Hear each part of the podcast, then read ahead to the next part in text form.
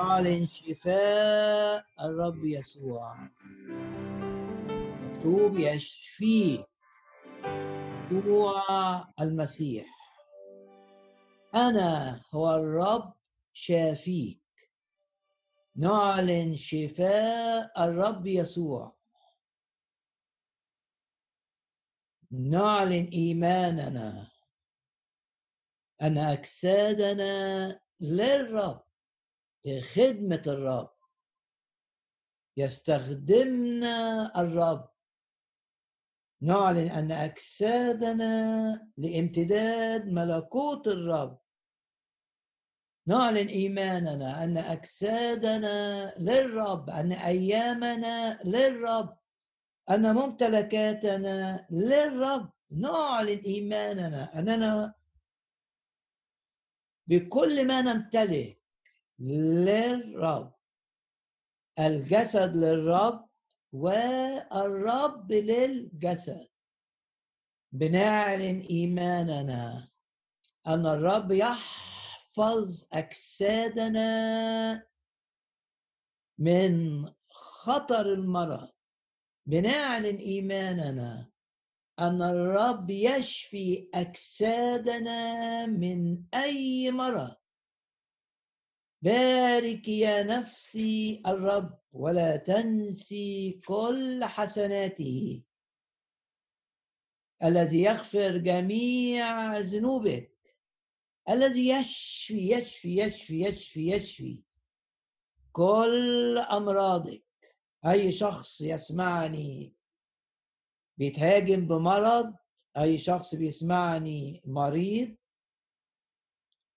يقول بثقة كلمات مزمور 103 بارك يا نفسي الرب ولا تنسي لا تنسي لا تنسي كل حسناته. غفران لجميع الذنوب بلا استثناء. دم الرب يسوع يطهر من أي خطية الذي يغفر جميع ذنوبك. بارك يا نفسي الرب. وكل ما في باطني هبارك الرب بكل داخلي بكل ما أستطيع. الذي يشفي كل أمراضك. الذي يفدي من الحفره حياتك. والمقصود بالحفرة هنا حفرة الموت. اعلن إيمانك كده إن الرب ينجيك من فخ الصياد. ده مزمور 91 ومن الوباء الخطر يعني من الوباء القاتل. حتى لو شفت ناس المرض قتلهم أنت تقول كده يسقط عن جانبك ألف بشوف ألف بيقعوا وربوات عن يمينك الربوة عشرة آلاف إليك لا يقرب الذي يفدي من الحفرة حياتك. بص كده للرب وقول له أشكرك لأنك بتفدي من الحفرة حياتي. أشكرك لأنك أنت ضامن بكرة.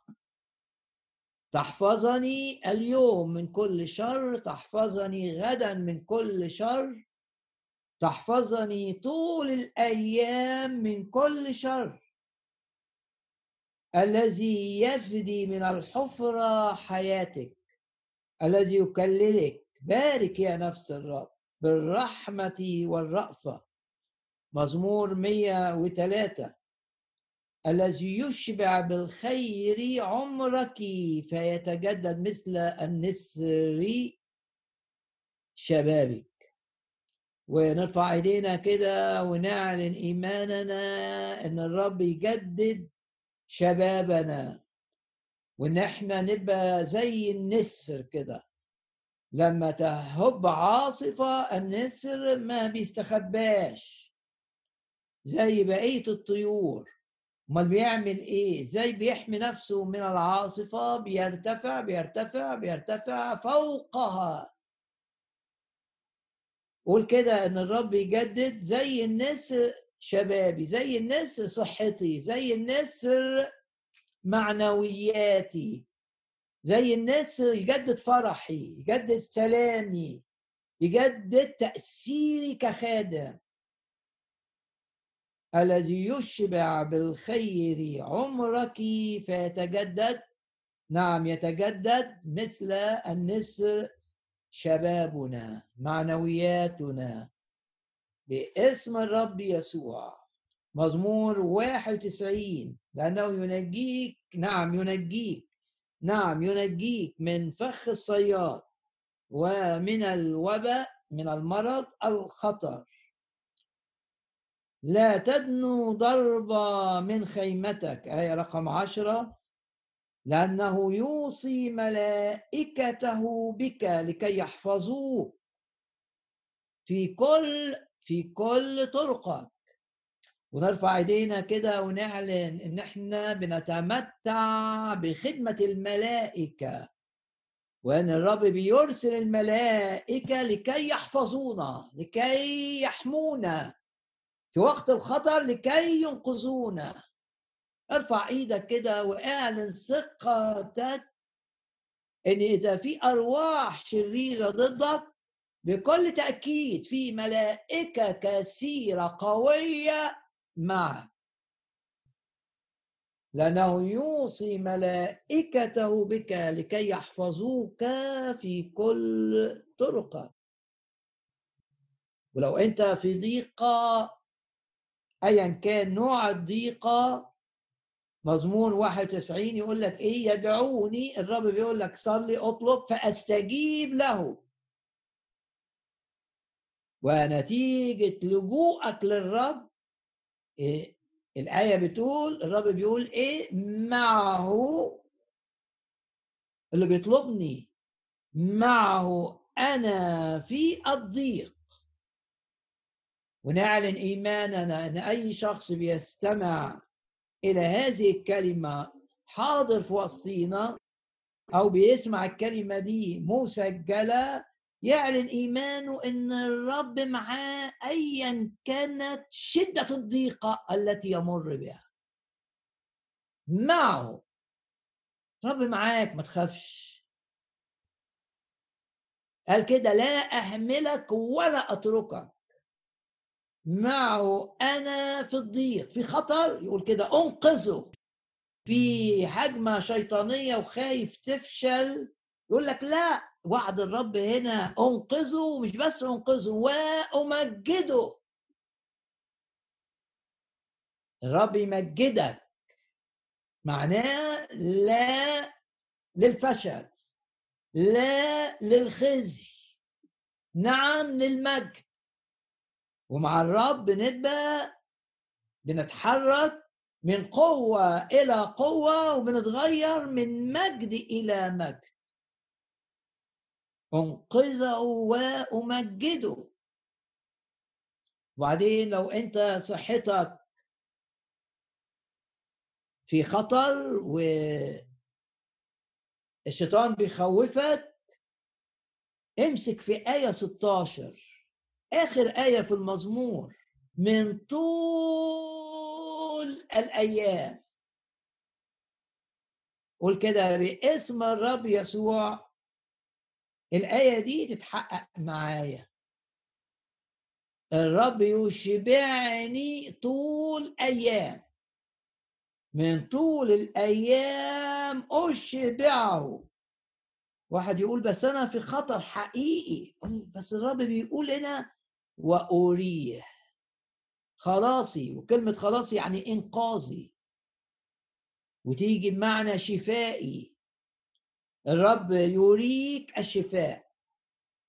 لو أنت منهك من المرض الرب يجدد صحتك. ويريك إن هو طبيبك الذي يهتم ويعتني بصحتك. والذي يهتم ويعتني بجسدك وأريه إنقاذي وأريه شفائي وأريه خلاصي. من طول الأيام.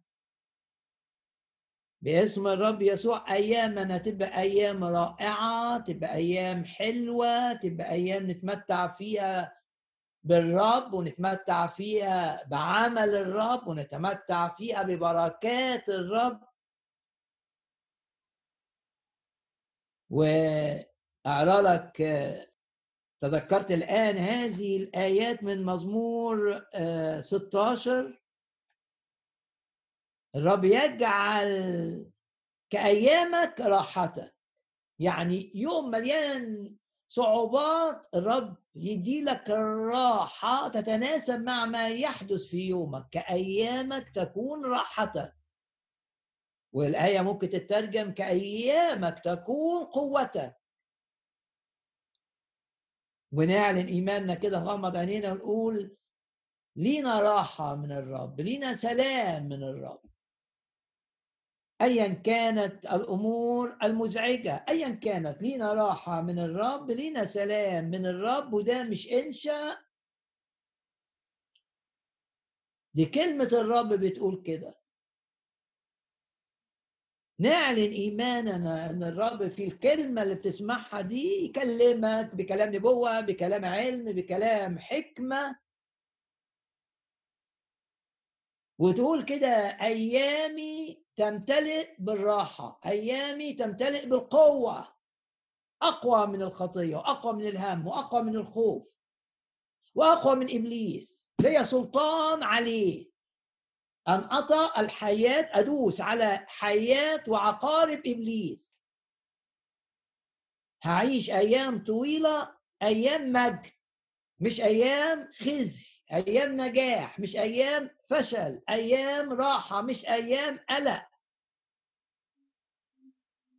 ونتملي بالإيمان أن الرب يهيمن على كل الأحداث والأشخاص والظروف والقرارات. من أجل سلامتنا ومن أجل استخدامه العظيم لنا. ويجعل كل الأشياء تعمل معا لخيرنا. قول كده أنا مع الرب ايا كانت الظروف في الارتفاع أنا مع الرب لا يعوزني شيء أنا مع الرب مليان سلام مليان راحة مليان فرح. افرحوا في الرب كل حين. وأقول أيضا افرحوا. ومزمور 16 تقول للرب كده قلت للرب ونقول إحنا للرب. يعني داود بيقول قلت للرب والمزمور ده عنوانه مذهبة يعني حاجة من ذهب المذهبات في مجموعة اسمها المذهبات في سفر المزامير حاجة من ذهب لأنها عن اختبارات عميقة. لما تبقى في ظروف والظروف دي تخليك تختبر الرب على نحو خاص ده اختبار ذهب. تبقى في خطر رهيب وتلاقي إنقاذ إلهي عجيب ده اختبار ذهب مذهبات. تبقى كل الأمور بتقول إنك هتفشل وبعدين مش بس تنجح وتنجح بامتياز يبقى ده مذهبة ده اختبار ذهب. لما تبقى كل الأمور بتقول إنك أنت هتقع وبعدين ترتفع وتقوم وتقول أنا في الارتفاع ولما تبقى كل الأمور بتقول إن إبليس نجح معاك وبعدين تلاقي كل الأمور اتغيرت وإبليس فشل معاك وأنت ارتفعت ده إيه مذهبة؟ ده اختبار إيه من ذهب؟ وفي الظروف اللي إحنا فيها دي نعلن كده إن اختباراتنا مع الرب اختبارات من ذهب. وروح المجد اللي هو الروح القدس. الذهب يرمز في الكتاب المقدس للمجد الإلهي. والمناسبة الفضة بترمز للكفارة الإلهية. يعني مفدي وممجد. الرب بيدي دهب وبيدي قبل الدهب بيدي الفضة. فضة كفارة يعني خطاياك اتغفرت يعني دم يسوع طهرك يعني بيقي ليك حياة أبدية يعني لن تهلك. بس مش هتقف عند الفضة إنك اتولدت الولادة الثانية لا في مجد ومن مجد إلى مجد في اختبارات من ذهب وأي حد بيسمعني عنده مشكلة صعبة وتحدي شيطاني قوي زي أسوار أريحة كده تحدي ضخم. يعلن إيمانه معايا إن ده سقوط الأسوار العالية دي هيبقى اختبار من ذهب. هيبقى اختبار من ذهب. قول كده. تحدي أنا في تحدي والعدو رفع أو بنى الأسوار عالية لكن يعظم يعظم يعظم يعظم. قول يعظم دي كتير يعظم يعني مش حاجة عادية مش انتصار عادي. يعظم انتصاري بالذي أحبني. باسم الرب يسوع. نشوف اختبار ده للتعويض عن أيام أكلها الجراد أيام ما كانش فيها ثمر كثير للرب. ارفع إيدك كده واعلن ده وقت اختبارات من ذهب. واشكر الرب لأنك واثق إن ما يحدث لك لن يدمرك. ما يحدث معك هيخليك تشوف إيد الرب بصوره ما شفتهاش قبل كده. واعلن إيمانك إن اللي بيحصل معاك ده هيمجد الرب. ويظهر عمل الرب بكل وضوح. ويخرجك الرب من الضيقة إلى رحب لا حصر فيه. مزمور 16 اختبار من ذهب لداود بيقول له أنا توكلت عليك وأنت حفظتني وأنا بقول لك احفظني يا رب لأني عليك توكلت. قلت للرب. كل واحد كده غمض عينك وقول للرب اللي قاله داود قلت للرب أنت سيدي. خيري لا شيء غيرك. يعني من غيرك ما فيش خير. أو أنت كل الخير اللي في حياتي. زي ما نفكر نفسنا زي ما أساف قائد من قادة التسبيح لما تحارب بالمقارنات إزاي الناس الأشرار بينجحوا وهو متعثر وتعب قوي من التفكير ده؟ طبعا إحنا بنتعب لما نستسلم لهذه الأفكار اللي بتشكك في محبة الرب لينا. وقعد آساف زي ما أغلبنا عارف تعبان قعد تعبان لحد لحد إيه اللي غيره يقول لك حتى دخلت مقادس الله لغاية ما قعد مع الرب. لما تتواضع وتقعد مع الرب الرب هيريح تفكيرك. وسيسمعك الإجابة الحقيقية. حتى دخلت مقادس الله.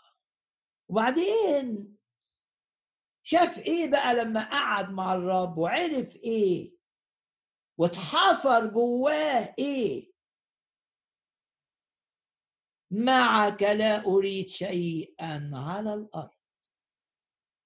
بعد ما كان بيقارن طب هم عندهم آه، بيوت كتير هم عندهم آه، أرصدة ضخمة في البنوك هم عندهم كذا هم عندهم كذا هم عندهم عربيات هم عندهم. بعد ما وأنا أقل أقل بعد ما كان تعبان. قال لا لا لا خلاص. لمسوا الروح القدس. ده يبقى اختبار من ذهب. والروح لما يلمس شخص يأثر ويتحكم في تفكيره فيشوف الأمور بطريقة مختلفة تماما. باسم الرب يسوع في هذا الاجتماع نطلب معا إن الروح القدس يتعامل مع أفكارنا. ويتعامل أيضا مع مشاعرنا. والروح يتعامل مع ذهني فأفكر صح. قال إيه بقى؟ اساف في مزمور 73 كلنا عارفين الآية. بعد ما كان بيقارن. ده بيقول له أنا ممكن يبقى ما عنديش حاجة خالص. ولا شغل زي ما حبقوق قال ولا في زرع ولا في آه حيوانات في المرعى ولا في أي حاجة. لكن فرحان وواثق إن الرب يسدد احتياجي. كفاية إن معايا الرب. حدش يبقى معاه الرب ويقول أنا فاشل أو ما حدش يبقى يبقى واثق إن الرب معاه ويقول في الشيطان مسيطر على أي دائرة. كلا. معك ها لا أريد شيئا في الأرض. وبفكركم بالآية 26 قد فني لحمي وقلبي يعني جسدي ضعف وقلبي مشاعري اتهزت معنوياتي انخفضت. إيه اللي حصل لك يا اساف في الفترة اللي أنت قعدت تقارن فيها. واحد المقارنات قارن صحته بصحة الناس اللي عايشين بعاد عن الرب. وشاف إن صحتهم أحسن والشيطان ابتدى يتعب مخه. فقال له لا أنا لما دخل إلى الأقداس الرب لمس تفكيره وقال له برأيك تهديني. وبعد إلى مجد تأخذني. والآية دي بتترجم ليها ترجمة تاني أميل إليها. وبعد المجد تأخذني. يعني مش هرحل من هذه الأرض إلا وأنا في قمة المجد. وهتقودني من مجد إلى مجد. بقى لما تاخد بقية الآيات اللي في الكتاب اللي بتتكلم عن المجد وإن في الضيقة روح المجد يحل عليك وتبقى شاعر بالراحة وتقول تعلمت أن أكون مكتفيا بما أنا فيه لا يعوزني شيء. الرب راعي فلا يعوزني شيء. وراحتي وسلامي جاية من جوه من عمل الروح القدس من حضور الرب. قد فني لحمي وقلبي لكن إيه بقى؟ الاكتشاف. أنت قوة مشاعري أنت صحتي أنت قوتي صخرة قلبي يعني قوة قلبي ونصيبي. الله مش النهارده بس النهارده وبكرة وبعده والنصيب هنا في العهد القديم ما هو النصيب النصيب هو ما يمتلكه الشخص. هذا أساس بيعلن إنه بيمتلك الرب. أنت برضه تقول أنا بمتلك الرب يسوع هو شيء. مزمور 16 قلت للرب أنت سيدي خيري لا شيء غيرك. وهنا في الآية واحد واثنين بنلاقي أسماء بعض أسماء الرب في العهد القديم. وزي ما إحنا عارفين إن الاسم بيعلن الشخص. ده يعني دائما هتلاقي الأسماء تعبر عن الأشخاص وأسماء الله تعبر عن شخص الرب. احفظني يا الله. الله دي في الأصل العبري إيل زي بيت إيل. وايه هنا معناه أو كلمة تدل على إن قوة الرب لا محدودة. هتقولي ما كل الناس عارفة إن قوة الرب لا محدودة. بس المهم إنك أنت تعرف إن قوة الرب لا محدودة. اللي ظهرت في القيامة بتاعت الرب يسوع زي ما بيقول الرسول بولس في أفسس هي ليك محتاج إيه؟ قوة الرب اللا محدودة لتعضيدك عشان كده الرب دايما يقول آيات كتير تشدد يعني كن قوي وتشجع. وداود كان يقول للرب يا قوتي يعني مش بيقول له يا من تعطيني قوة لا أكتر من كده أنت القوة نفسها. أحبك يا رب يا قوتي. تعبير أقوى من أحبك يا رب لأنك تعطيني القوة. فعندنا أول اسم في أول آية في مزمور 16 إيل اللي هو الله. وتاني اسم قلت للرب الرب هنا أدوناي بالعبري وده اسم الرب اللي معناه إن له السياده عشان كده مترجم هنا سيدي.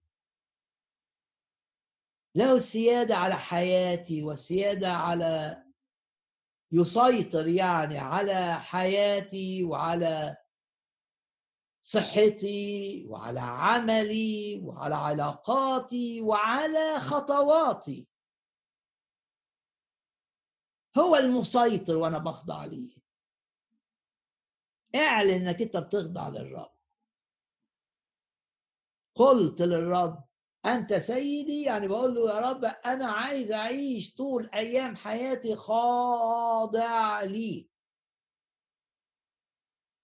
مش عايز أعمل مشيئتي عايز أعمل دايما مشيئتك.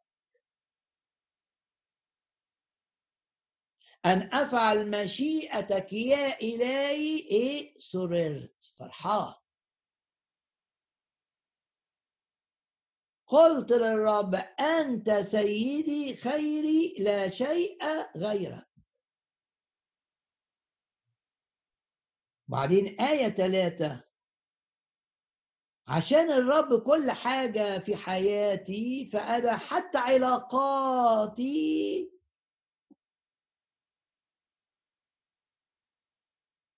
من الرب. ولمجد الرب. القديسون القديسون يعني اللي عرفوا الرب يعني التقديس والتخصيص.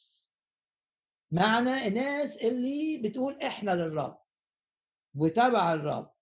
القديسون الذين في الأرض. والأفاضل.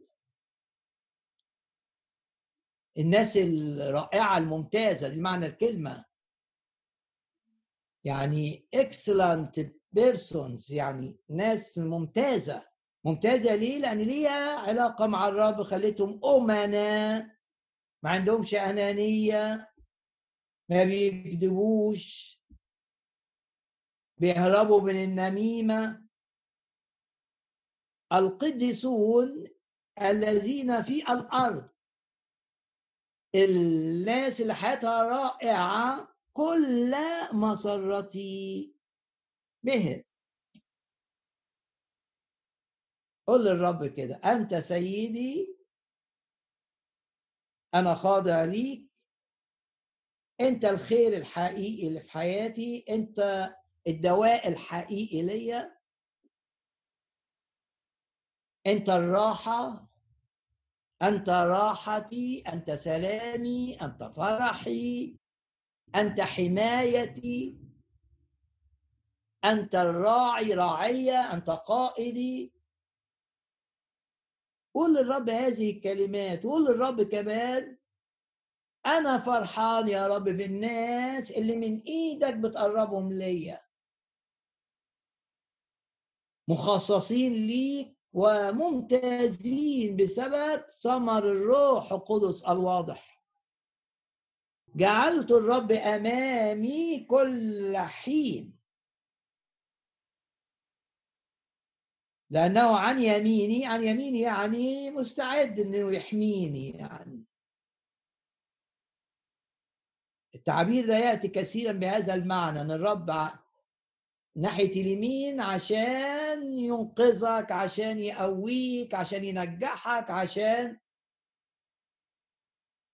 يتمجد في أمورك والأمين لأنه عن يميني فلا أتزعزع. عشان كده إيه؟ فرح قلبي نرفع إيدينا كده فرح للقلب ابتهاج للروح وابتهجت روحي وجسدي أيضا يستريح. جسدي أيضا يسكن مطمئنا.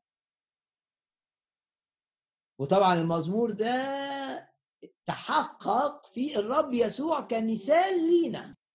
تحقق في الرب يسوع لما تجسد وإذ وجد في الهيئة كإنسان. كنت تشوفه في السفينة كده الأمواج هتغرق السفينة وهو نايم. إيه إيه النوم ده؟ مليان سلام.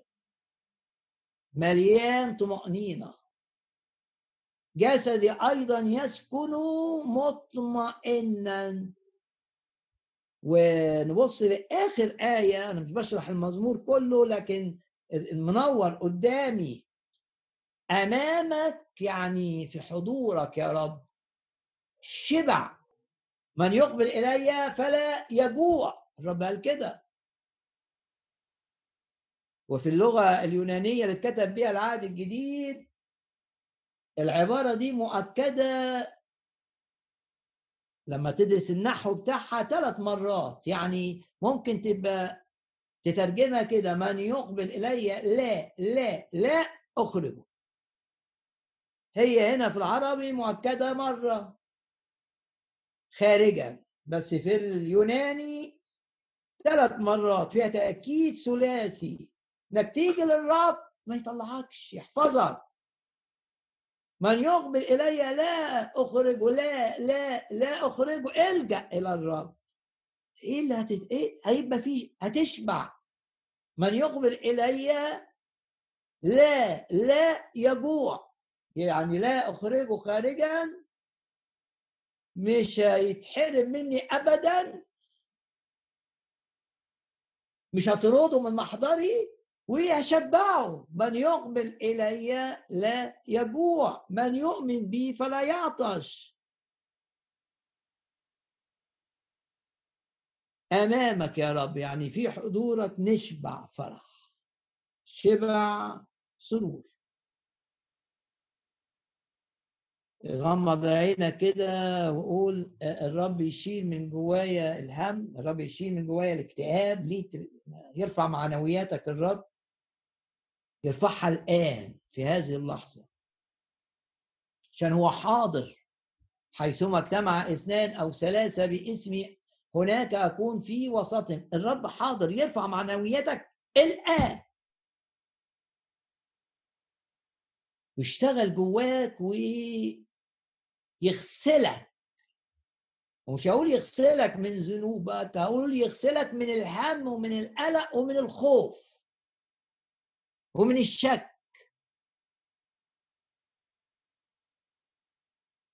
ويغسلك من الذكريات اللي لما بتفتكرها بتتعب. زي ما عمل مع يوسف قال له انت نسيتني أنا ما عرفتش أنسى لكن انت نسيتني. أي حاجة بفتكرها ما تبقى بتتعبنيش الوقت. يعني فقد ما أتذكره قوة الإيذاء. الرب يغسلك من الهم ويغسلك من الخوف يغسلك من الحزن يغسلك من أفكار الفشل من أفكار صغر النفس. عندك فكرة إن الناس ما بتحبكش؟ عندك فكرة إن آه مش بيقدروك مش بيحترموك؟ أفكار أفكار صعبة من إبليس. الرب يغسلك منها. مقارنات حصل كذا وحصل كذا ده طب ما أنا في نفس الظروف. يغسلك يغسلك يغسلك ويملاك بسلامه العجيب.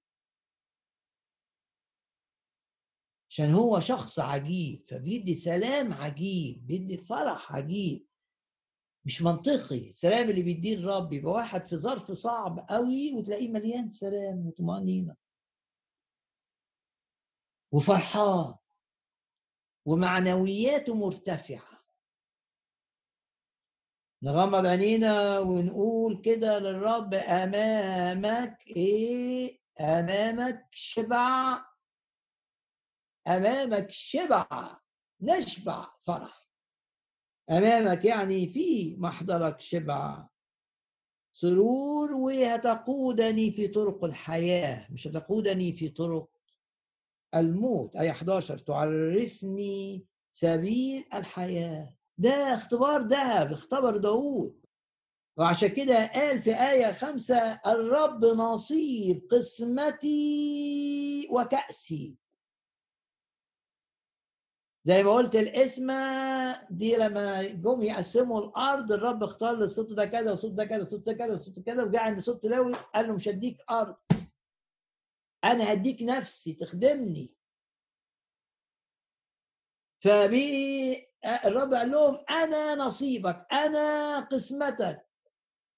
قال كده للاوس. داود هنا شاف نفسه مع صوت لاوي. الرب نصيب قسمتي. ده الميراث بتاعي. فالميراث حسن عندي. وكأسي ودايما لما نشوف الاثنين دول نقول الرب هو أحلى ما نمتلك وأحلى تمتع لنا. كأس يتكلم عن التمتع والميراث يتكلم عن الملكية. يعظم انتصارنا بالذي أحبنا. إيه اللي الرب لمسك بيه في الآيات اللي سمعتها؟ ارفع إيدك كده واعلن الرب زي ما بيقول مزمور 121 يحفظك من كل شر. ويحفظ خروجك ودخولك. يحفظك امنا ويحفظك تخرج وتدخل. ليس في مشيئة بشرية لا في مشيئة الرب. أشكر الرب من أجل قول له كده أنا هقول مع داود قلت للرب. أعمال الرسل أصحاح آه، سبعة وعشرين. إحنا بندرس معا كل أسبوع هذا الأصحاح وبرضه ممكن نسميه مذهبة. حاجة من ذهب أو حاجة مطلية بالذهب الكلام هنا مطلي بالذهب لأنه في اختبار عظيم جدا للثلاثه خدام اللي كانوا في السفينة. بولس واحد منهم وارسطرخس خادم كان بيخدم معاه ولوقا برضه كان بيخدم مع الرسول بولس. ونفكر نفسنا إن بولس كان في السفينة دي متهم رايح يتحاكم في روما. وعشان متهم كان في ناس بيحرسوه عشان ما يهربش أثناء الرحلة. واخدينه من قيصرية دي في الحتة بتاعة أورشليم وكده في الناحية دي. ناحية الشرق واخدينه إلى أقصى الغرب المعروف. في ذلك الوقت إلى إيطاليا عشان يتحاكم في روما أمام قيصر. قيصر ده حاكم العالم. شخص إيه؟ مقصور شخص أسير. والاثنين المؤمنين قرروا إنهم يروحوا معاه. عشان زي ما شفنا في مزمور 16 أو زي ما قال داود الصديقون يكتنفونني بحيط بمعايا بيحوطوني عشان أنت بتحبني. لأنك تحسن إلي. الرب مش هيسيبك أبدا وحيدا. قول كده الرب مش هيسيبني أبدا وحيدا. مش بس هو هيبقى معايا لكن لا هيبعت لي ناس أشوف فيهم حب يسوع ليا وأشوف فيهم تعضيد الرب ليا. والرب عايزنا نبقى في عيلة مؤمنين.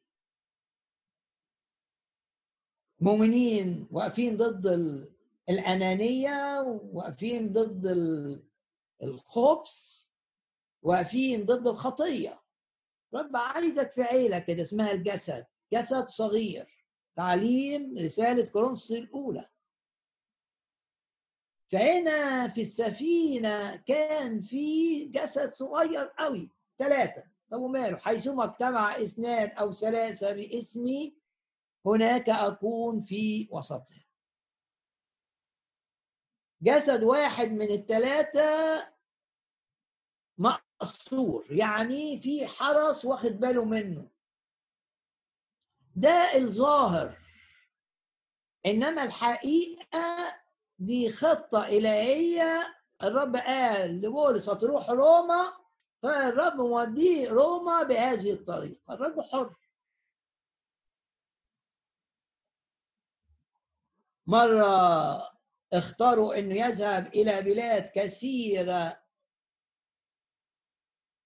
بدون حرس وفي هذه المرة يذهب لروما متهم. بس مشيئة الرب بتتحقق. وأنا براجع معاك. ارفع إيدك كده وأعلن إنك هتحقق في حياتك مشيئة الرب. ولن ترحل من هذه الأرض اعلن إيمانك معايا لن نرحل من هذه الأرض قبل أن نحقق مشيئة الرب لنا كاملا. ونقول زي بولس أكملت. شوف أكملت. يعني ما فيش حاجة ناقصة.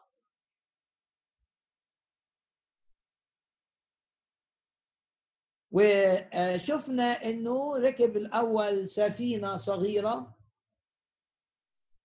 صغيرة الحجم. وتعرضت هذه السفينة يبقى من قيصرية ركب السفينة دي إلى بلدة اسمها ميرا. طب وإيه في الرحلة دي اللي حصل؟ بداية الرحلة كانت مشجعة جدا. مشجعة لبولس أنا بتكلم عن بولس الكنيسة اللي موجودة في القارب ده الجسد ده. شيء مشجع جدا. اولا مشجع لبولس إن بص ليه اتنين جايين يسافروا معاه. ركبوا السفينه دفعوا التذكرة. ومشجع ليه الثلاثه إنهم يشوفوا المتحكم في السفينة ده راجل عسكري. رتبته عالية قوي هو اللي معاه الحرس ورايح بيهم إلى روما فقالوا له خد الاسرى دول دول ناس عليهم أحكام معهم متهمين يتحكموا فخدهم معاه. فعشان كده بولس راح معاه. التشجيع إن شافوا الراجل ده العسكري ودايما الناس العسكريين الرومان آآ آآ فيهم القسوة في أكثر الأحيان بيتعاملوا مع أعداء بيتعاملوا مع لصوص. إنما بولس كان عنده نعمة شيء مشجع جدا. والرب تحكم في قائد المئة ده الروماني ده وخلاه يحب بولس. يجد بولس نعمة في عينيه. أحيانا بتبقى أمور مهمة لينا. اللي بيتحكم فيها يوليوس ده. واحيانا بتبقى أمور تخص الكنيسة التي ننتمي إليها. بنى حاجة آه، تصريحات معينة يتحكم فيها يوليوس ده. ارفع إيدك كده واعلن إيمانك إن الرب يتحكم في يوليوس من أجل أن تتحقق مشيئة الرب معنا. تقول لي إحنا واخدين وعود من الرب بس في واحد واقف في الموضوع. طب إيه؟ نعمل زي استير كده ونصلي صلوات تخلي الإمبراطور الفارسي يخضع لإستير الغريبة عن شعبه. ويمجد مردخاي. ولو أي حد بيسمعني في يوليوس واقف له آه، قاضي آه، صاحب آه، شغل ليه علاقة بيك يتحكم في الأمور ارفع إيدك كده معايا واعلن. ده التشجيع اللي خده بولس والاثنين معاه في بداية الطريق. دائما الرب يشجع في البداية عشان لما تتحط بقى في مشكلة يقول لك افتكر.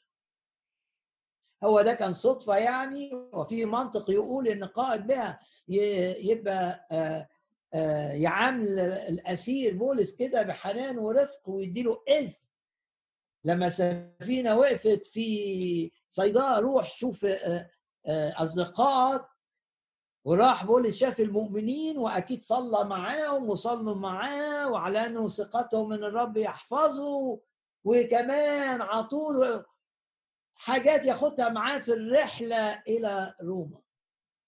اعلن إيمانك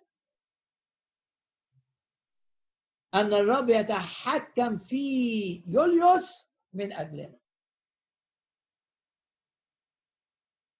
سواء بقى يوليوس بالنسبة لك صاحب العمل أو صاحب البيت اللي أنت بتسكن فيه أو القاضي اللي هيحكم أو المتحكم في الميراث ومش عايز يديك حاجة باسم الرب يسوع نرى يد الرب تغير أفكار من لهم اللي في المناصب كل الذين هم في منصب الرب يغير تفكيرهم عشان مشيئة الرب حلوة قوي تتحقق معاه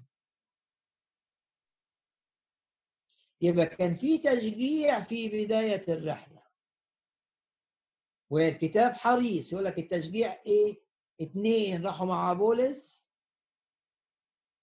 والتشجيع ان آه، قائد المئة المسؤول هيعامل بولس بالحنان والرفق والتشجيع إنه عطاله اذن يقابل المؤمنين والمؤمنين كانوا أسخياء جدا معه طب بعد كده بقى آه، شفنا آه، المقاومة بقى. أول حاجة شفناها إن الريح كانت مضادة. فالطريق طول. لأن اضطروا السفينة تمشي شمال قبرص. فطول السكة طولت. لأن الريح كانت مضادة. فسافرنا من تحت قبرص على الخريطة يعني شمال جزيرة قبرص. وهنا أول أول حاجة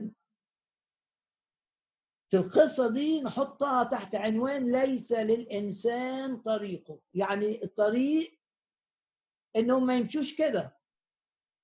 ما فيش ط... ليه تيجي ريح مضادة؟ جت ريح مضادة خلتنا نمشي في سكة أطول. أنا كنت مختار سكة ما تاخدش وقت. ليس للإنسان طريقه طريقي في إيد الرب حكمة الرب خلت السكة تبقى أطول. المهم إن يبقى طول السكة ده مش وراه إلا الرب. أنا عايز الرب. هو اللي سايب الريح المضادة لهدف عايز يعلمني درس عايز صفات عايز يوري الناس إزاي إن السكة طولت في البداية بس بولس ما تهزش ولا الاثنين اللي معاه. هنا أول حتة أقدر أحط عليها عنوان ليس للإنسان طريق. تبقى أنت مخطط سكك تا تا تا تا تخلص أه، وبعدين تلاقي السكة طولت.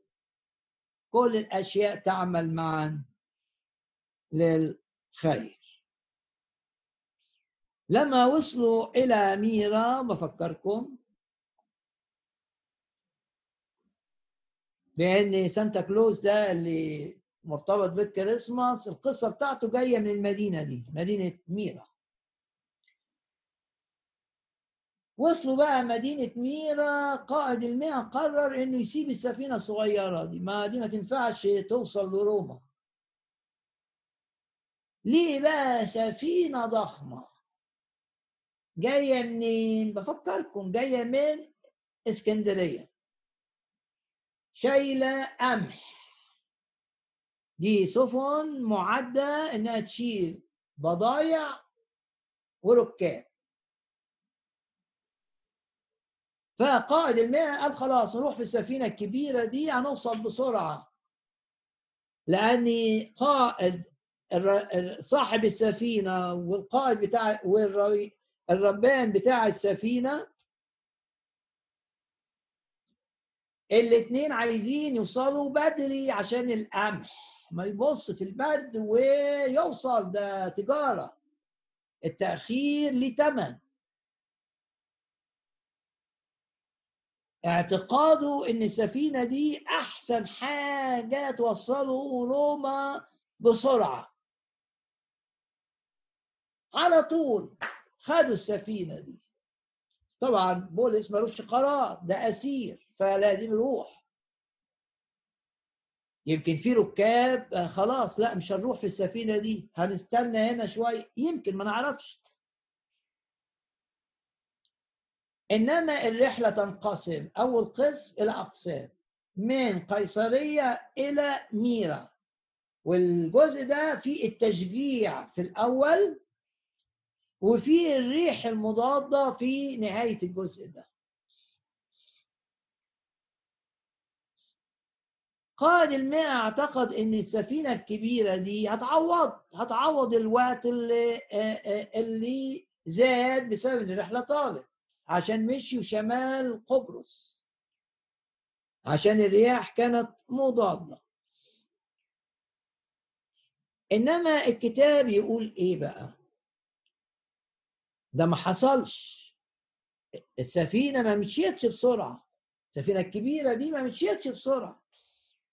ولما كنا نسافر رويدا يعني ببطء أياما كثيرة.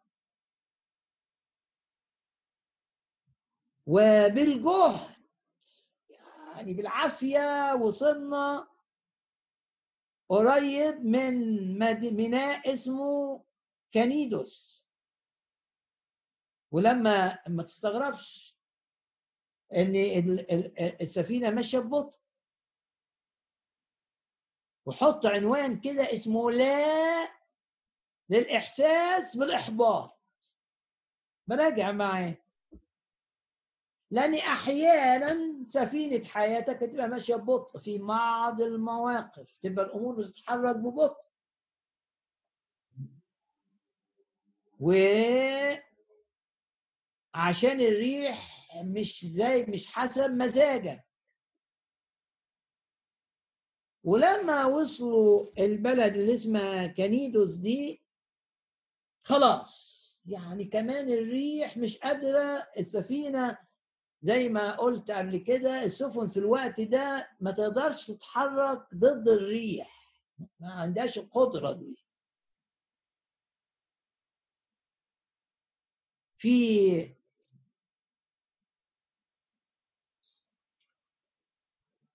القلع ده بيبقى مفروض فلازم تتحرك مع الريح. ما ينفعش تتحرك ضد الريح ما ينفعش. فهنا يقول الكتاب إيه؟ إن خلاص وقفوا عند البلد الله كنيدس وبعدين ولم تمكننا الريح أكثر. هنا شفنا الريح المضادة هنا الريح المانعة. تحصل حوادث كده تخليك مش عارف تعمل مش عارف تكمل. برضه اعلن إيمانك. إن الرب دايما بيطلع من الجافي حلاوة دايما الرب بيطلع من أصعب موقف أحسن حاجة. هنا الريح خلاهم بقى إيه؟ بدل ما يكملوا في السكة اللي قائد المئة كان عايزها. السكة المختصرة. بس كان لازم الريح يساعدهم يمشيهم أكتر. ما قدروش. فالريح عمل إيه؟ جاي من الشمال كده أكبر السفينه إنها تنزل لتحت. وإنها تنزل لتحت ناحية جزيرة كريت. وهنا دي المرة الثانية اللي في القصة اللي نقدر نقول ليس للإنسان طريقه ولا لإنسان يمشي أن يقود خطواته. أرمية قال كده. سواء بقى الإنسان ده كان آه، نبوخذ نصر ولا كان أرمية ليس للإنسان طريق. التخطيط فشل. بس بولس واللي معاه واثقين ان مع الرب ما فيش فشل. وهيروحوا روما في التوقيت الإلهي وليس في التوقيت البشري المتوقع.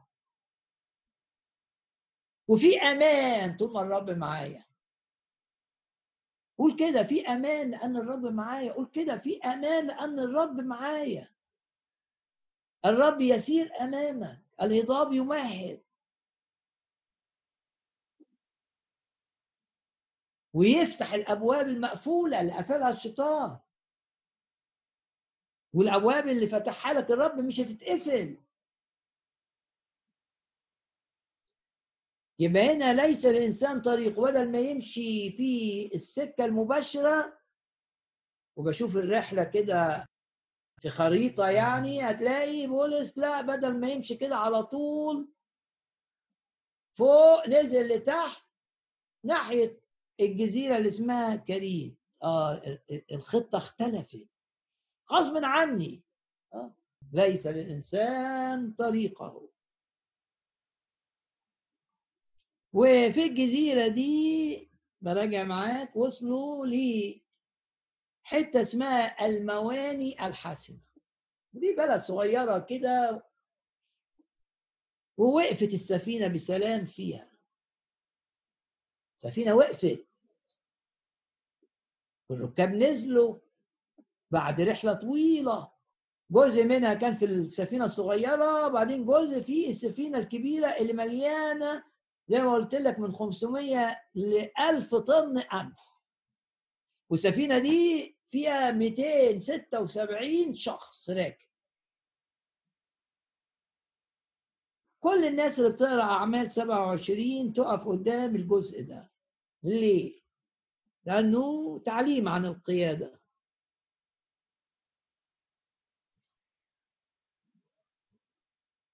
الناس مش عايزة تقعد في المواني الحسنة فكرت ليه؟ زي واحد مش عايز يكمل في البيت اللي عايش فيه. أصل آه، آه، في عيوب في ابتدت تبان أصل مش عارف إيه. طيب آه طب هتعمل إيه؟ أنا قدامي عرض كويس. انتبه. امتحن الأمر. والجزء ده بيقول لك ما ما تقدمش على مجازفة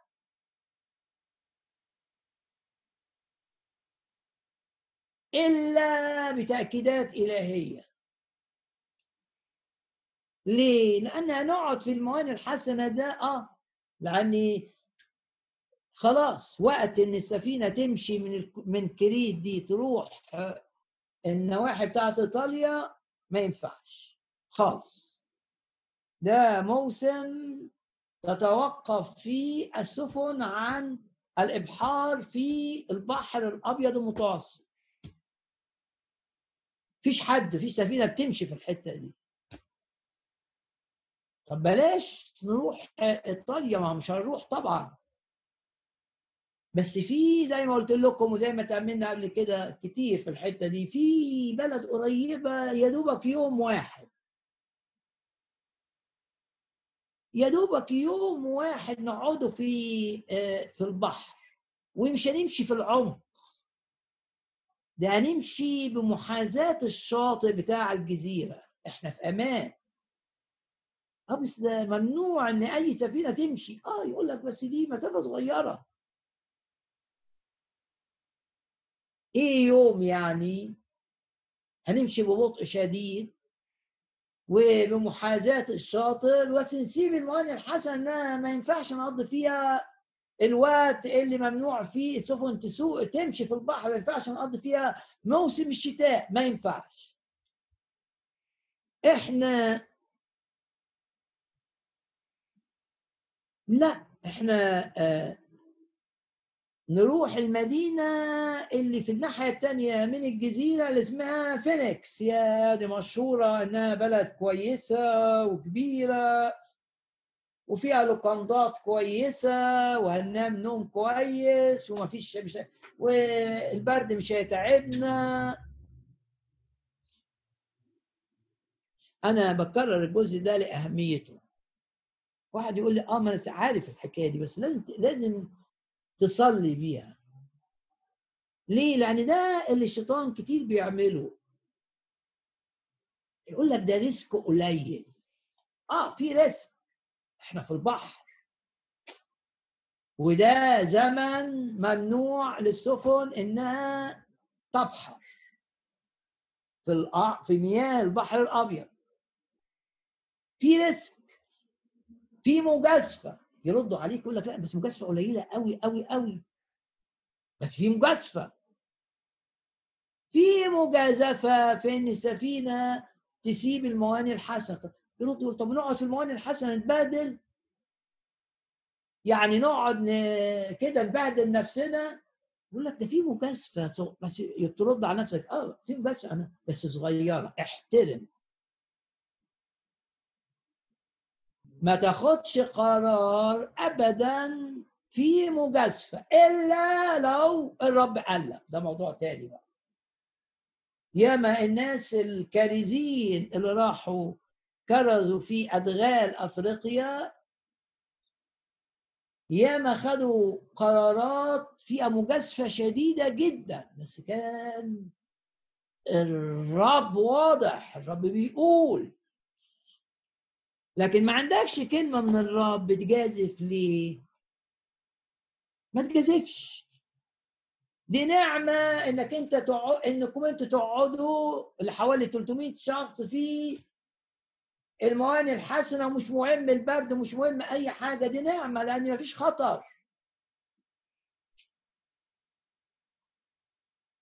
وبولس وقف وقال ده أسير بس بقول لك استفاد من قائد المئة ميال ليه بيحبه خد نعمة في عينيه. استفاد وإن قائد المئة يسمعه والناس يسمعوه ما كانش سلبي وهنا نقول لا للسلبية زي ما قلنا لا للإحباط. لما المركب تمشي ببطء نقول لا للسلبية ما تبقاش سلبي أبدا. تشوفش ولادك ماشيين غلط وتقف ما تتكلمش صلي والرب يديك حكمة واتكلم تشوفش حاجات في الكنيسة لا تمجد الله وقلبك بياكلك وسلب لا اقف صلي والرب يديك حكمة انك تتكلم.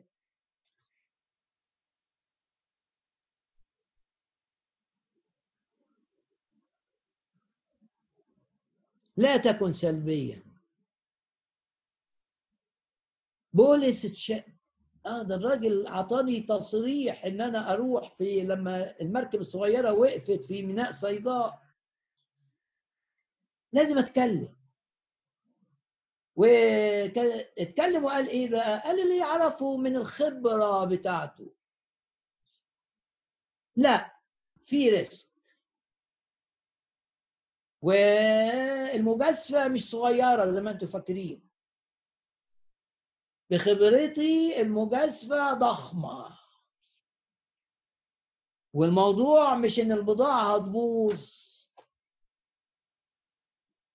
لا الموضوع إن إحنا كلنا ممكن نضيع.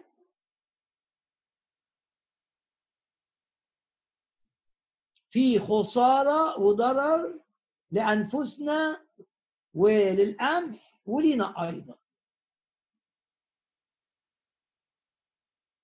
باسم الرب يسوع الرب يعطينا فما وحكمة. يديك فم يعني إيه؟ يعني في الوقت اللي للكلام وقت وللسكوت وقت في الوقت اللي تتكلم فيه تلاقي قدره تتكلم فيه تلاقي الرب بيقول لك أكون مع فمك. احفظ الآية دي. قالها لموسى قال له أنا ما بعرفش أتكلم لست أنا صاحب كلام ولا أنا نسيت الفصاحة والكلام. من الأربعين سنة اللي عشتهم مع الغنم. راعي غنم. قال له أنا أكون مع فمك خلاص. الرب يديك إنك أنت تبقى إيجابي. إيجابي وحكيم. كان ممكن بولس يقول لهم إيه بس أنا مش خايف. ده بقى لما مؤمن بقى يبقى مش فاهم. أصل أنا عندي إيمان بالرب. أنا الرب حميني أنا الرب حافظني. أنتوا اللي هتتعبوا. لا لا مؤمن لا يفعل هذا. بولس ما استخدمش هذا الأسلوب على الإطلاق.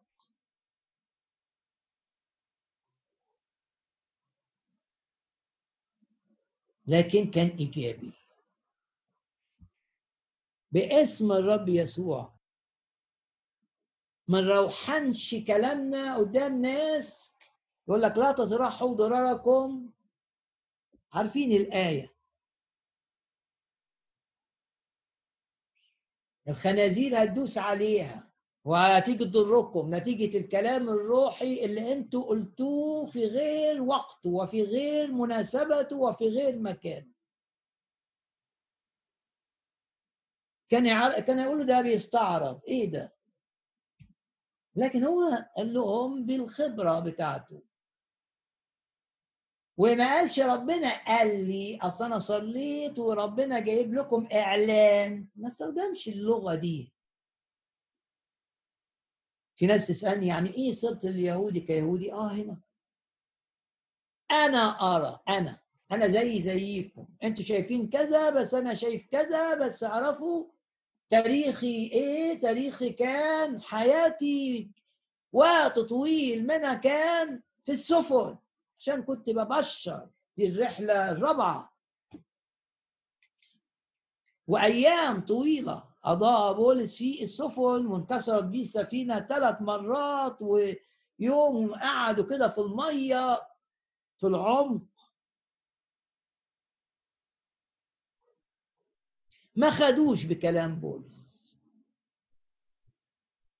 كرر الرسالة. ما تعملش مجازفة فيها خسارة إلا بعد ما تتكلم مع الرب وترى تشجيع إلهي حقيقي. نرفع ايدينا كده ونعلن إيماننا إن إحنا مش هنخدع أنفسنا.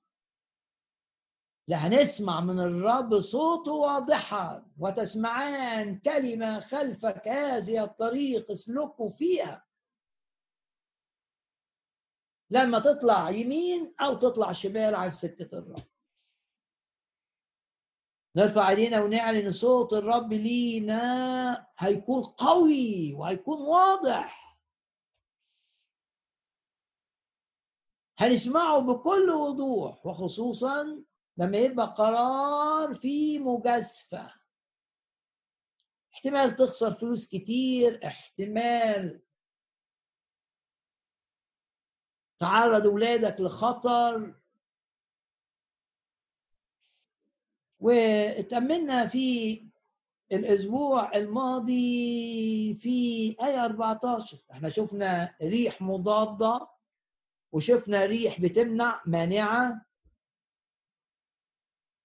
هنا بقى نشوف ريحين ريح خادعة وريح خطرة قاتلة. وارفع إيدك كده معايا واعلن ايمانك كده وانت بتسمعني باسم الرب يسوع ايا كانت الرياح التي ضدنا ايا كانت الرياح عموما. فيها الحية التعبان بتاع إبليس ولا فيها الأسد اللي يقول ملتمسا من يبتلعه؟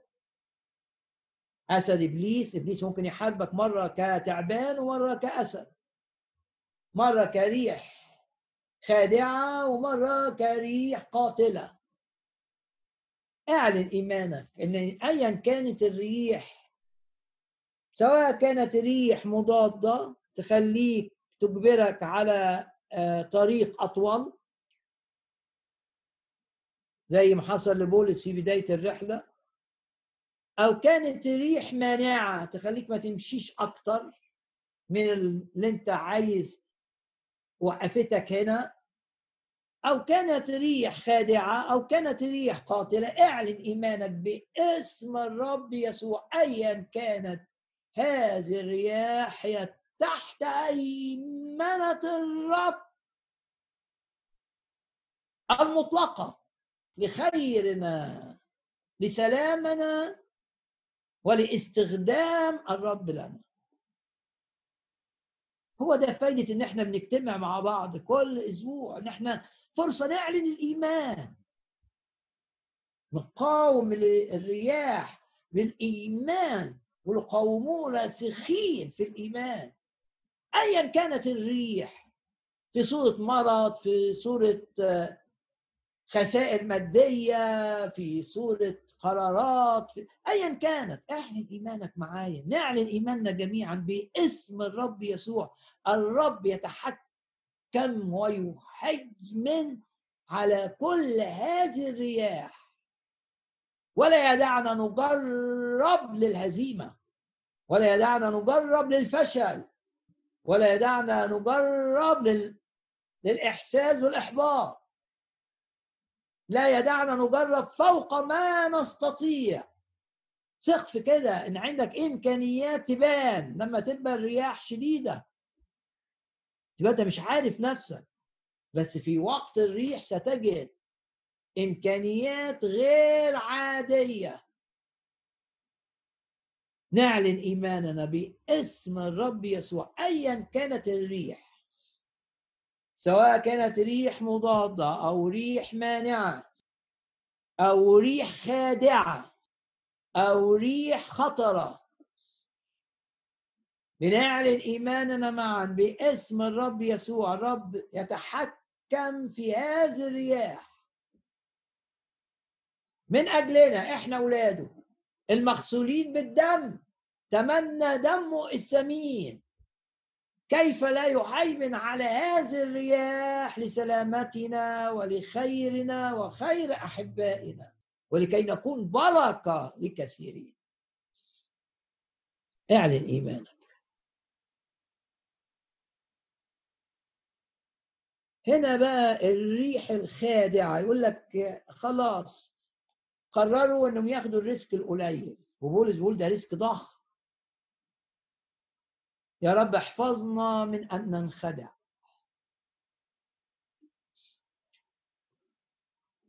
وهنا المؤثر الراحة الجسدية إن إحنا هنرتاح جسديا. والشيطان دايما يحارب في الأول في دوائر احتياجات الجسد.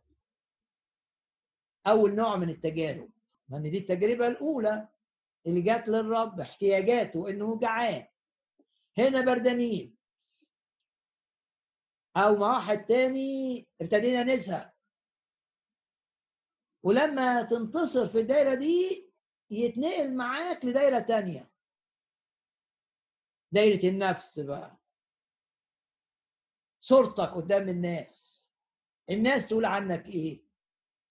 إزاي ترضي فلان؟ يبقى ما تعرضش قول ما تقولش الحق. دي التجربة الثانية والتجربة الثالثة روحية بقى. إنك تسيب عبادة الرب. دي في تدرج في التجارب. أنت بقى أعلن إيمانك إن لن تجرب فوق ما تستطيع. ولما الدنيا يقول لك في منفذ. يعطي مع التجربة المنفذ. بولس ولوقا والثالث اللي معاهم ارسترخس ما قدامهمش غير إنهم يطيعوا. مع ان لوقا وارسترخس ممكن يقعدوا في الموانئ الحسنة. لا ما نسيبش بولس. رغم إن بولس قال الرحلة دي خطرة برضه مش هنسيبك. إحنا طلعنا معاك من قيصرية بإرادتنا. هنسيبك في الموانئ الحسنة عشان أنت مجبر عشان أنت أسير. أنت مجبر على الرحلة الخطرة دي. هم بيقولوا مش خطرك أنت بتقول خطر إحنا مصدقينك أنت. بس مش هنسيبك. باسم الرب يسوع مش يقول الكتاب الأخ اليوم الشدة يولد. المحبة الأخوية تبان في الضيقة. وتبان في تعضيدك لإخواتك مهما كلفك الأمر. هنعضد بولس أهم من إن إحنا نقعد في المواني الحسنة. وعشان كده الكتاب يذكر أساميهم يشاور عليهم. كتير إحنا نبص لبولس لا. لازم تبص لتيموساوس اللي كان مع بولس. لازم تبص للوقا اللي كان مع بولس. لازم تبص ل فيلوبس لازم تبص للناس الحلوة اللي كانت مع بولس. لأن مش شرط تكون دعوتك بولس لكن ممكن تبقى دعوتك لوقا. ممكن تبقى دعوتك تيموساوس شاب صغير اللي لسه بيتحارب بخطايا جسدية. ومحتاج النصيحة أما الشهوات الشبابية فرغ منها بس مهمة قوي قوي قوي للخدمة والامتداد الملكوت.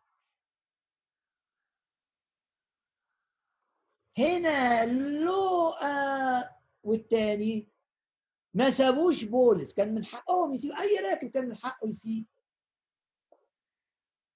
ونقعد فصل الشتاء في الموانئ الحسنة وبعدين بقى نبقى نروح لبولس في روما بقى في أي سفينة بقى بعد موسم الشتاء ينتهي وسفن ترجع بقى تشتغل وفي أمان نبقى نروح له. لا ما عملوش كده. امتحنت محبتهم لخادم الرب. فكان نجاح عظيم. لأني لما تبقى عايش صح مع الرب حبك للرب يزداد كل يوم بس حبك لإخواتك المؤمنين أيضا يزداد. رغبتك إنك تضحي براحتك عشان يرتاحوا. يزداد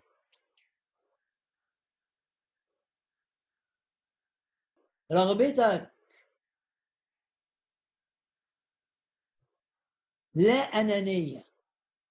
في رغباتك مع إخواتك. كل ما علاقتك مع الرب تتعمق تلاقي محبتك لإخواتك تزداد. نحب الإخوة. نعلم أننا قد انتقلنا من الموت إلى الحياة. يعني أكيد الاثنين دول وهم شايفين قدرة إنهم يسيبوا الموانئ الحسنة ويركبوا مع بولس في المجازفة اللي هو بيقول إنها خطرة جدا جدا جدا. آه ما كناش نقدر نعمل ده لوحدنا. ما كناش نقدر نقرر القرار الكبير ده اللي فيه تهديد لحياتنا وحدينا. ده عمل الرب.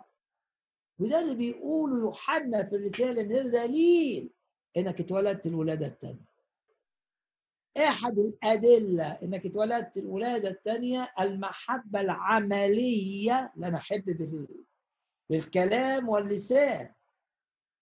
المحبة العملية المضحية الباذله لأجل اخوتك في الإيمان. ريح خادعة. إن لقيوا ريح حلوة جاية من الجنوب. جاية من الجنوب يعني السفينه هتبقى لازقة في الشاطئ. مش هتدخل في العمق. هاي مفيش خطر.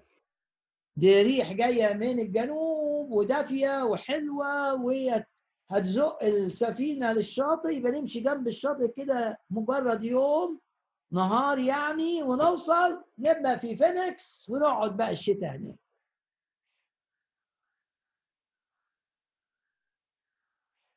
ريح خادعة. تقول لي ليه ريح خادعة؟ لأني قعدت مستنية عليهم. ممكن تقول وراها الحية. مؤكد. قاعد شوف شوف الشيطان يعمل إيه. قعدت لأنه رئيس سلطان الهواء.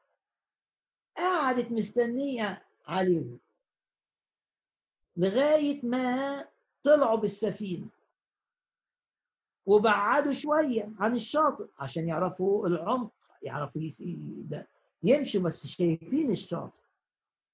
قعدت سايباهم شوية. وبعدين شوف الشيطان عمل إيه. بعد قليل أول ما ضمن إن هم ما يقدروش يرجعوا تاني لميناء المواني الحسنة اول ما أتأكد ان ما يقدروش يرجعوا غير بقى الريح الخادعة تحولت إلى ريح قاتلة. بقول لك كده الكتاب. ولكن بعد قليل والثلاثة موجودين مع ال 200 وسط ال 276 واحد مؤمن أسير واثنين مؤمنين أحرار يقول لك هاجت عليها على السفينة ريح زوبعية. يعني قوية جدا جدا جدا جدا جدا. فعملت إيه للسفينة؟ خاطفت السفينة بعيد. سفينة ما قدرتش تقاوم. يعني ما حدش قادر يتحكم في السفينة. خلاص الريح أقوى من كل شيء. وساب الرب بولس والاثنين اللي معاه يتعرضوا لهذه الريح الزوبعية ودي من محبة الرب. ليه؟ لأن ظهر بسبب الريح الزوبعية دي ظهر عمل الروح القدس واضح واضح واضح في بولس الأسير. وتشوف بولس بعد كده كأنه الملك بتاع السفينة وليس أسير السفينة. بسبب الريح العنيفة الخطرة القاتلة. لما الرب يسيب ريح زوبعية عليك ارفع إيدك كده واعمل كل مرة في ريح زوبعية قاتلة في خطة إلهية لخدمة الرب من خلالك. لما قامت الريح الزوبعية على المؤمنين في مدينة أورشليم وفقدوا بيوتهم وفقدوا شغلهم انت يمكن ما تتخيل إزاي افقد شغل إزاي افقد بيت هو ده اللي حصل. يقول لك كده جالوا إيه؟ ملوك مبشرين بالكلمة بيأسسوا كنايس. والرب بيسدد احتياجاتهم. ريح زوبعية في أورشليم بس نتيجتها مجد. تأسيس الكنيسة المركزية العظيمة كنيسة أنطاكيا. اللي منها طلعت الحملات الكرازية المختلفة. بس شوف الشيطان الخادع يشجع عشان يورطك وبعدين تلاقي غير الريح. باسم الرب يسوع حتى لو حدث معنا هذا لا ريح خادعة ولا ريح قادلة تنجح معنا. الذي فينا أعظم من الذي في العالم. قول كده الذي فيا أعظم من الذي في العالم. أعظم من إبليس اللي بيتحكم في الريح واللي بيتحكم في الناس. ولكن بعد قليل هاجت علي ريح زوبعية. يقال لها أوروكليدون. نشرح ده بقى المرة الجاية. فلما خطفت السفينة خلاص فقدوا التحكم في السفينة بسبب إنهم خدوا قرار غلط في مجازفة. كانت في نظرهم المجازفة صغيرة. مركب كبيرة دي كبيرة قوي فيها ألف طن. لفت كده ولقيت نفسها ماشية إلى المجهول محدش قادر يتحكم في حاجة ما رايحين فين. وفي الوقت ده لا كان في بوصلة ولا كان في الجهاز اللي يحدد مكان السفينة بالنسبة للنجوم كانش لسه طلع. وكان الأمان إن يبقوا ماشيين في الحتة اللي حفظوها. أما دلوقتي ماشيين في حتة ما عرفوهاش. بس الكتاب يقول لك إيه هنا؟ الكتاب يقول لك حتى لو أنت ماشي في سكة ما تعرفهاش لن تضل. اضطريت إنك تمشي في سكة ما مشيتش فيها قبل كده مش مهم. كتاب اللي بيقول كده. وحتى لو تهت هم تاهوا. سفينة تايهة مش عارفة رايحة فين. تحط قدامك الهني بالآية بالآيات العظيمة من سفر المزامير. ونرفع إيدينا مرة كمان نقول مع الرب مفيش توهان. مع الرب ما فيش حاجة اسمها سكة ما نعرفهاش وما مشيناش فيها قبل كده. ما دام سمح إن نمشي فيها تبقى للمجد. يعظم انتصارنا على الريح الزوبعية. سفر المزامير مزمور الشكر. كونوا شاكرين. فرصة كلنا نشكر الرب الآن. لأنه يتحكم في الرياح بكل أنواعها يتحكم في ما يفعله إبليس يتحكم في ما تفعله الأرواح الشريرة. ريح خادعه ريح قاتلة آه، ريح مانعة ريح مضادة. الرب يتحكم هو المتحكم حتى في إبليس يتحكم في كل هذا لخيرنا لسلامتنا والاستخدام الرب ده. أموري مش في إيد إبليس أموري مش في إيد آه اللي خد القرار قائد الماء أموري مش في إيد قائد الماء رغم ان هو اللي بياخد القرار بس أموري في إيد الرب. يتحكم فيه يتحكم في الملك في الرئيس في اللي هيصدر قرار من أجلي. عشان أبقى في خطة الرب وعشان الرياح المختلفة دي اللي بيعملها الشيطان تحقق هدف سماح الرب لها. في هدف عظيم. كان ممكن جدا الرب يمنع الريح دي. ده بولس يعملوا اجتماع صلاة كده في السفينة يلاقوا الرياح لا مش هيحصل كده. لأنهم شايفين دي مش مشيئة الرب. وما تستغربش لما تشوف إن سفينة بولس اتعذبت وبولس فيها. وأكتر من أسبوعين السماء ظلام وما فيش غير صوت الموج وال... يقول لك نوء شديد والناس خلاص يئست و... طب ليه الرب ما يسيبنا كذا يوم كده؟ افهم. ده في العهد الجديد مش في العهد القديم. عشان في قصد إلهي. من الآكل ده الرب سايبه. ليه؟ عشان يوريك إزاي الآكل ده هيطلع أكل لمجد الرب. طلع طعام. مزمور الشكر. نشكر الرب الآن. نشكر الرب من أجل كل ما حدث ويحدث وسيحدث لك. لأن عندنا إيمان إن كل اللي بيحصل لمجد الرب. عندنا هذا الإيمان.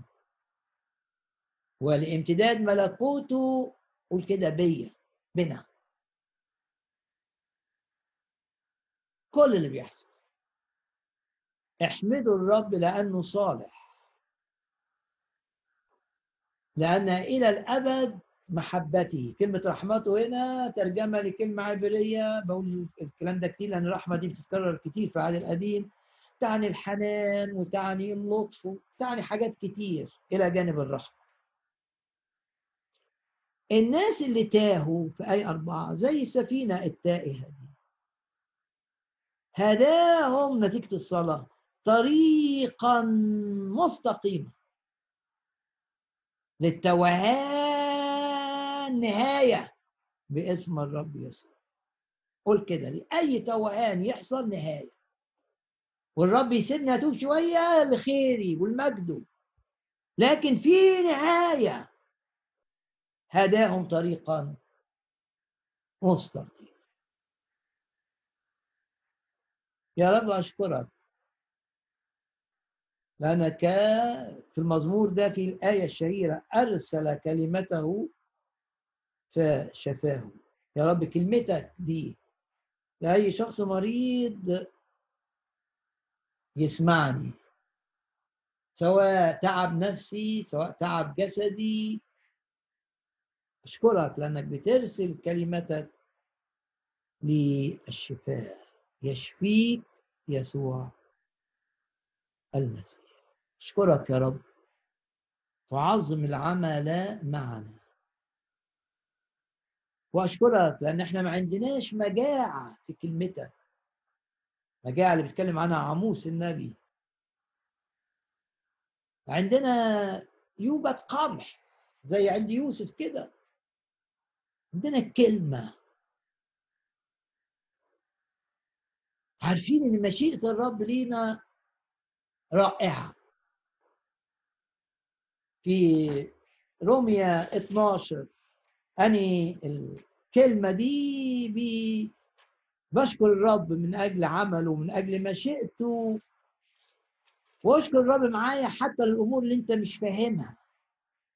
مش فاهم ليه حدثت ضع ثقتك في الرب.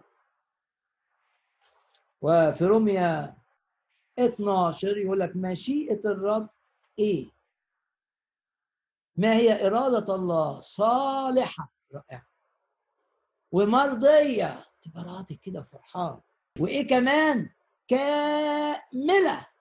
رمية 12 آية 2 يا رب إرادتك وليست إرادة إبليس هي التي تهيمن على كل أمورنا. لأن إرادتك صالحة ومرضية وكاملة. يعظم انتصارنا بالذي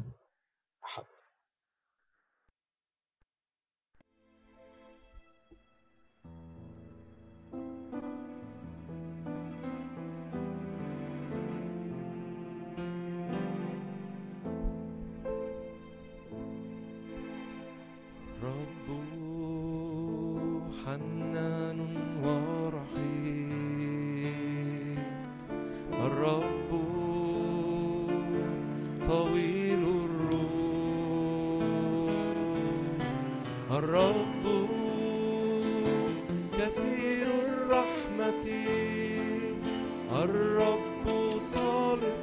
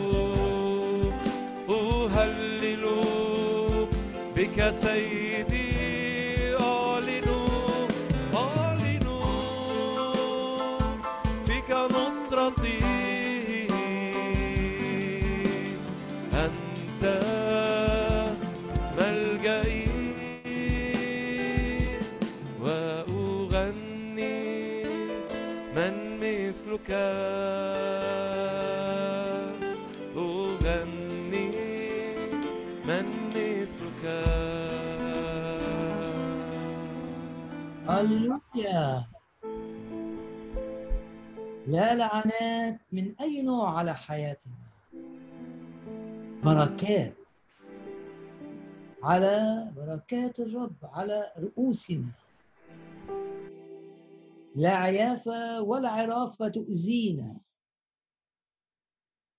ولا سحر ولا حسد يضرنا. ولا لعنات متوارثة تصل إلينا. محميين. بالدم السمين. كل آلة صورت ضدنا. لا لا لا تنجح. باسم الرب يسوع ننتهر أي أرواح تعمل ضدنا. ضد أجسادنا ضد صحتنا ننتهر أرواح الضعف أرواح المرض باسم الرب يسوع. ننتهر أرواح الخوف أرواح الهم باسم الرب يسوع. نقيد أي نشاط شيطاني ضدنا باسم الرب يسوع. نرفع إيدينا كده نقيد أي عمل لابليس في أي دائرة. أنت حاسس بيها؟ بنرفع إيدينا ونعلن إيماننا بتقييد النشاط الشيطاني في هذه الدائرة. أي دائرة أنت حاسس فيها؟ بأن في نشاط شيطاني وإحنا مع بعض بنقيد هذا النشاط الشيطاني. يكون كالعدم يكون كلا شيء. وعد يكون محاربوك كلا شيء وكالعدم. يا رب أشكرك لأن الأبواب تفتحها ولا يستطيع أحد أن يغلقها. تعظم العمل معنا. ترينا يدك وهي تصنع العجائب.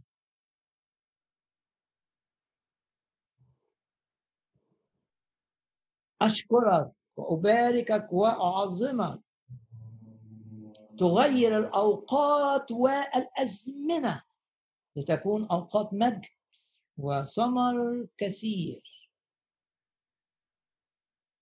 نتمسك بالكلمة ونعلن أننا أعظم أعظم أعظم أعظم من منتصرين. من سيفصلنا عن محبة المسيح؟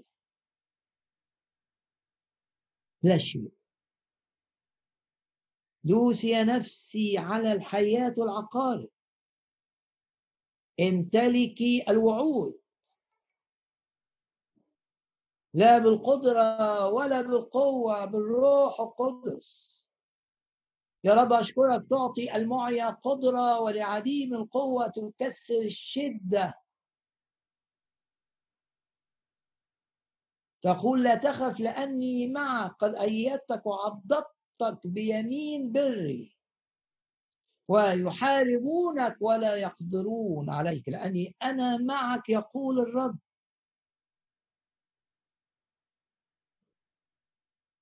ننسى ما هو وراء ونمتد إلى ما هو قدام تجدد كالنسر شبابنا تكمل عدد أيامنا ترسل هيبتك أمامنا.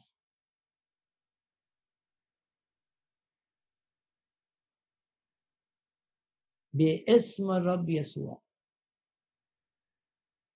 ده وقت الرب بيعمل فيه في ظروف الأحداث لكي يتمجد. بنا. هللويا.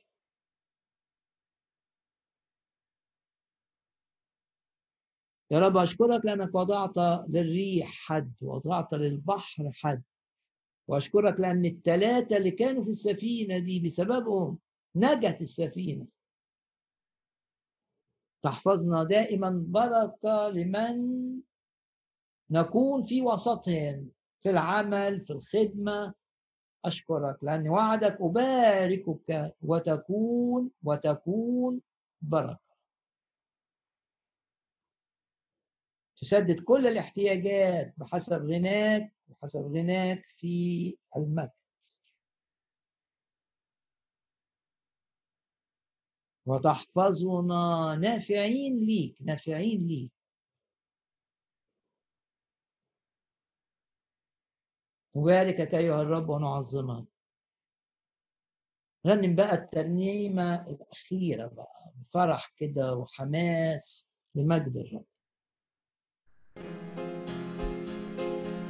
قادر من مثلك عظيم في خلاصك تدفع أعدانا بنفخات من فمك. قادر من مثلك عظيم في خلاصك تدفع أعدانا بنفخات من فمك. هللويا وضعت للبحر حدا. هللو أعداءنا ترد ردا. هللويا وضعت للبحر حدا. هللو أعداءنا ترد. حاضر من مثلك. قادر من مثلك عظيم في خلاصك. تدفع أعداءنا بنفخة من فمك. قادر من مثلك عظيم في خلاصك. تدفع أعداءنا بنفخة من فمك. هللويا وضعت للبحر حدا. هللويا أعداءنا ترد ردا. هللويا. وضعت للبحر حدا هللويا أعداءنا ترد ردا. مجدك في وسطنا سور نارا حولنا. أنت ترس عوننا وسيف عظماتنا. مجدك في وسطنا سور نارا حولنا. أنت ترس عوننا وسيف عظماتنا.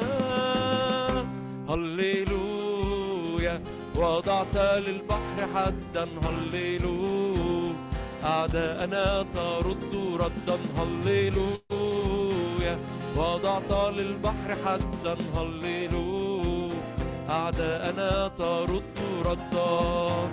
أزروعك من تحتنا غطاء مجدك فوقنا. أنت لنا من مثلنا. نهتف هللويا أزروعك من تحتنا غطاء أنت لنا من مثلنا أنت لنا من مثلنا. نهتف هللويا هللويا. وضعت للبحر حدا هللويا. أعداءنا ترد ردا هللويا. وضعت للبحر حدا هللويا. أعداءنا ترد ردا. هو ضامني بيطمني قريب مني حبيبي يسوع. جه ونادالي غير حالي ويا الغالي حبيبي يسوع. هو ضامني بيطمني قريب مني حبيبي يسوع. جه ونادالي غير حالي ويا الغالي حبيبي يسوع ويا الغالي عابرين دايسين كل الصعوبات عابرين دايسين كل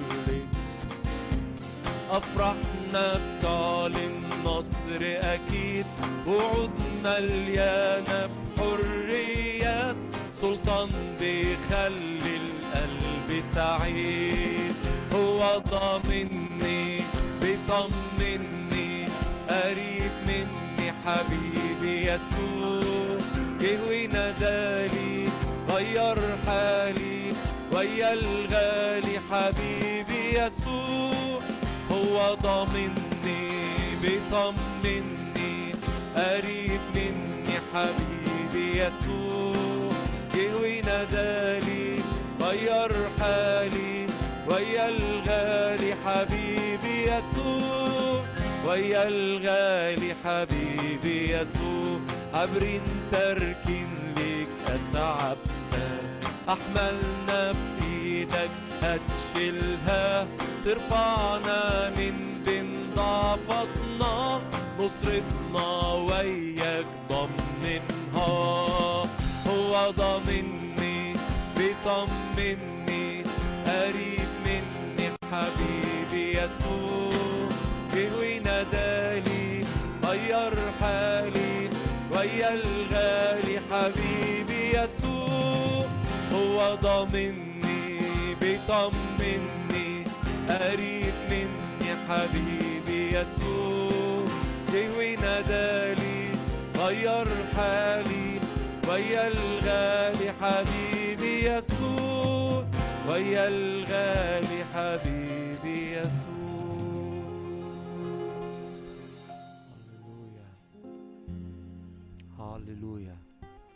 يا رب بنباركك وبنسبحك لأنك أنت ضامن حياتنا لكل المجد.